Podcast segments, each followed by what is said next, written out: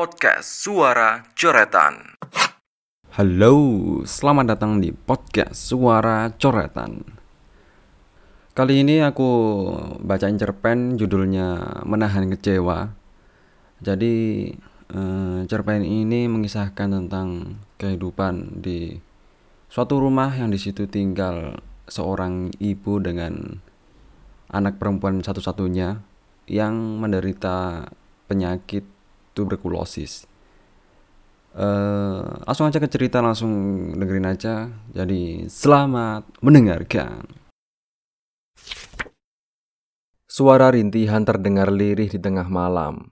Suara itu berasal dari dalam rumah yang terlihat dari jendela, lampunya masih menyala. Di situ tinggal seorang ibu umur 50 tahun dan anak satu-satunya yang bernama Ajeng.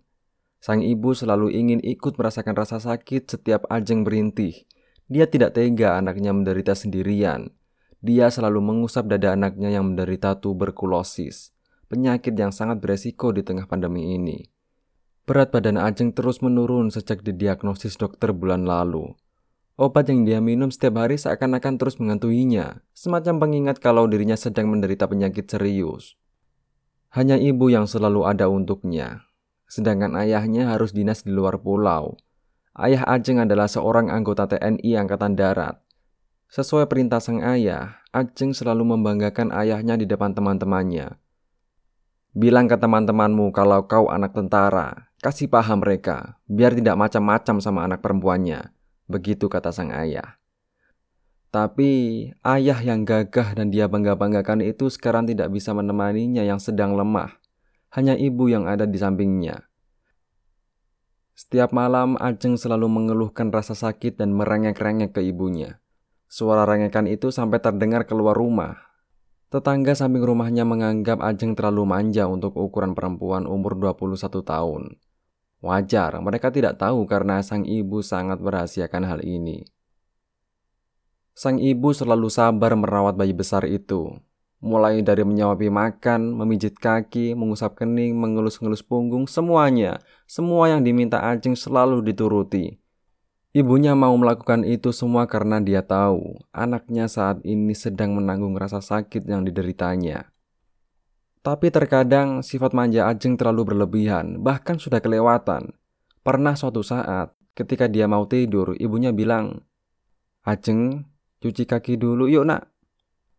Aduh bu, aku udah terlanjur di atas kasur. Aku udah ngantuk, kata Ajeng yang menutup seluruh tubuhnya dengan selimut. Sebenarnya Ajeng tidak benar-benar ngantuk. Di balik selimut, dia sedang membalas pesan WhatsApp dari Aldi, pacarnya. Mereka sudah tidak pernah ketemu sejak Ajeng sakit. Tentu ibu Ajeng tidak mungkin mengizinkan anaknya keluar rumah. Aldi juga selalu menolak permintaan Ajeng untuk menjenguknya. Takut ketularan katanya. Ayolah nak, Ibu anterin ke kamar mandi. Bujuk ibunya sambil mengelus-ngelus kaki Ajeng. Ibu bawa aja airnya ke sini pakai ember. Ajeng cuci kaki di sini. Bisa kan? Ucap Ajeng dari dalam selimut. Ibunya menghela nafas. Ini benar-benar menguji kesabarannya. Tanpa menjawab, Ibu Ajeng akhirnya mengambilkan air. Air setengah ember itu diletakkannya di samping kasur, lengkap dengan keset handuk di sebelahnya. Ajeng pun mencelupkan kakinya ke dalam ember. Tapi bukannya menggosok kakinya, dia hanya diam dan masih sibuk dengan handphonenya. Tanpa banyak bicara, ibunya pun memasukkan kedua tangannya dan membersihkan kaki Ajeng. Ajeng yang di atas kasur melihat ibunya jongkok membersihkan kakinya. Dia baru mulai bersalah ketika ibunya mengeringkan kakinya dengan keset handuk. Maaf ya bu, ucap Ajeng. Iya, udah, tidur gih, kata ibunya. Sang ibu mau melakukan semua ini karena dia tidak tahu sesakit apa yang dirasakan anaknya. Belum lagi kekhawatiran yang selalu hinggap di kepalanya. Dia sangat takut Ajeng terpapar COVID. Apa pun dilakukan sang ibu supaya anaknya aman dari virus ini. Mulai dari mengurung diri di rumah, membeli kebutuhan secara online sampai menolak siapa pun yang datang ke rumahnya. Hingga akhirnya suatu hari, Pak RT datang ke rumah dengan satu orang ber-APD lengkap. Pak RT ingin memeriksa semua warganya untuk memastikan tidak ada yang terpapar virus. Tapi Ibu Ajeng tidak membiarkan dirinya dan Ajeng dites. Dia tidak langsung membukakan pintu untuk mereka. ada ketakutan yang dia pendam. Dia belum siap dengan hasil tes itu. Tapi Pak RT terus mencoba meyakinkan Ibu Ajeng. Ya, kalau nggak dites nanti malah bahaya, Bu. Kalau ada yang positif, terus nggak ada yang tahu, gimana mau ngobatinya? Kata Pak RT yang masih berdiri di teras. Setelah berpikir beberapa menit, dengan berat hati, Ibu Ajeng akhirnya membukakan pintu. Tapi hanya petugas yang boleh masuk, sedangkan Pak RT menunggu dan duduk di teras. Petugas langsung merapi tes Ajeng dan ibunya. Ajeng terlihat biasa saja, tapi ibunya berusaha tenang dengan menggenggam erat tangan anaknya. Tenang bu, kata Ajeng yang mengusap tangan ibunya. Setelah menunggu 30 menit, hasil tes mulai terlihat. Yang ditakutkan pun terjadi. Ibu Ajeng negatif, sedangkan Ajeng positif. Sambil menunggu tes PCR untuk hasil yang lebih akurat, Ajeng harus isolasi mandiri dan ibu harus pindah sementara dari rumah ini, kata petugas. Ibu Ajeng tidak mungkin meninggalkan anaknya sendirian. Dia tahu anaknya sangat membutuhkannya. Tanpa kehabisan akal, Ibu Ajeng menyodorkan lembaran uang 100 ribu ke petugas. Dia meminta petugas untuk menginput data kalau dirinya juga positif, supaya dia bisa tetap di rumahnya dan merawat Ajeng. Petugas langsung menolak uang itu. Dia takut Pak RT tahu. Lagi pula petugas juga paling anti dengan hal seperti itu. Urusan Pak RT urusan saya. Saya yang tanggung jawab kalau sampai ada yang tahu. Anak saya lagi sakit. Dia butuh saya. Kalau saya ninggalin dia, terus siapa yang rawat dia? Kamu ini petugas kesehatan masa nggak punya hati sih? Kata Ibu Ajeng kesal. Petugas sempat terdiam kebingungan. Ya udah deh bu, saya tulis positif dua-duanya. Tapi saya nggak bisa nerima uang ini, saya takut. Ucap petugas sebelum akhirnya pergi. Setelah rapi tes, Ibu Ajeng langsung meminta anaknya untuk meludahi mulutnya. Dia tidak ingin hal yang sama terjadi lagi ketika dites PCR besok. Enggak bu, aku nggak mau, kata Ajeng. Ayo cepet, Biar besok pas di tes PCR kita hasilnya sama-sama positif, kata Ibu Ajeng memaksa. Tapi Ajeng masih menolak. Kamu mau isolasi mandiri? Sendirian gak ada ibu di sini. Ayo buruan, jangan ngelawan ibu. Ajeng sedikit terkejut. Selama dia sakit, baru kali ini ibunya membentaknya. Ayo Lana, kata sang ibu kepada Ajeng yang matanya mulai menggenang. Ibu gak apa-apa, ini semua demi kamu. Ibu Ajeng menarik tangannya supaya berdiri. Sang ibu lalu duduk dan membuka mulutnya.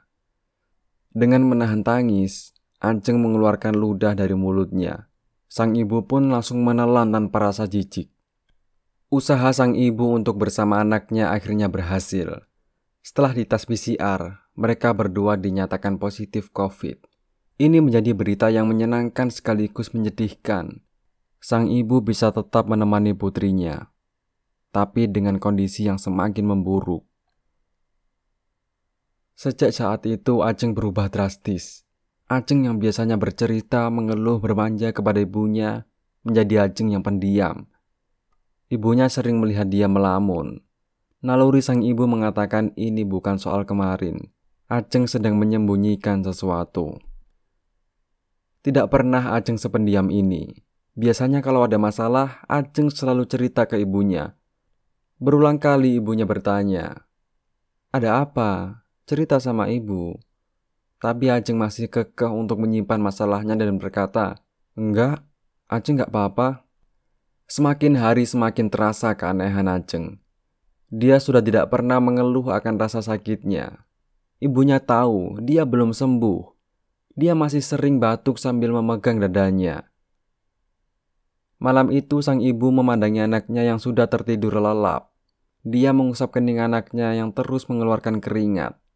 Ibu Ajeng semakin tidak tahan anaknya menyimpan masalah darinya. Pandangan Ibu Ajeng beralih ke handphone anaknya yang menyala. Tanda ada notifikasi masuk.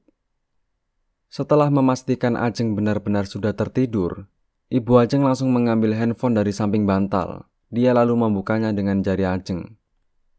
Ternyata itu notifikasi WhatsApp dari Aldi. Ibu Ajeng tidak mengerti apa maksud pesan dari pacar anaknya itu.